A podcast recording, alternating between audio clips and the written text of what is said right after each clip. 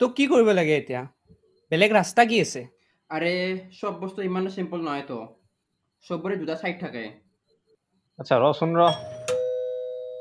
অ' কোনে আহিছে নেকি? আৰে আহক আহক আহক আহক। ভালো আড্ডা জমিছে ইয়াতে। Welcome to Adda cast and মই সুভাষ। মই সৌৰভ। মই Devang and we are are the the dumbest tribe.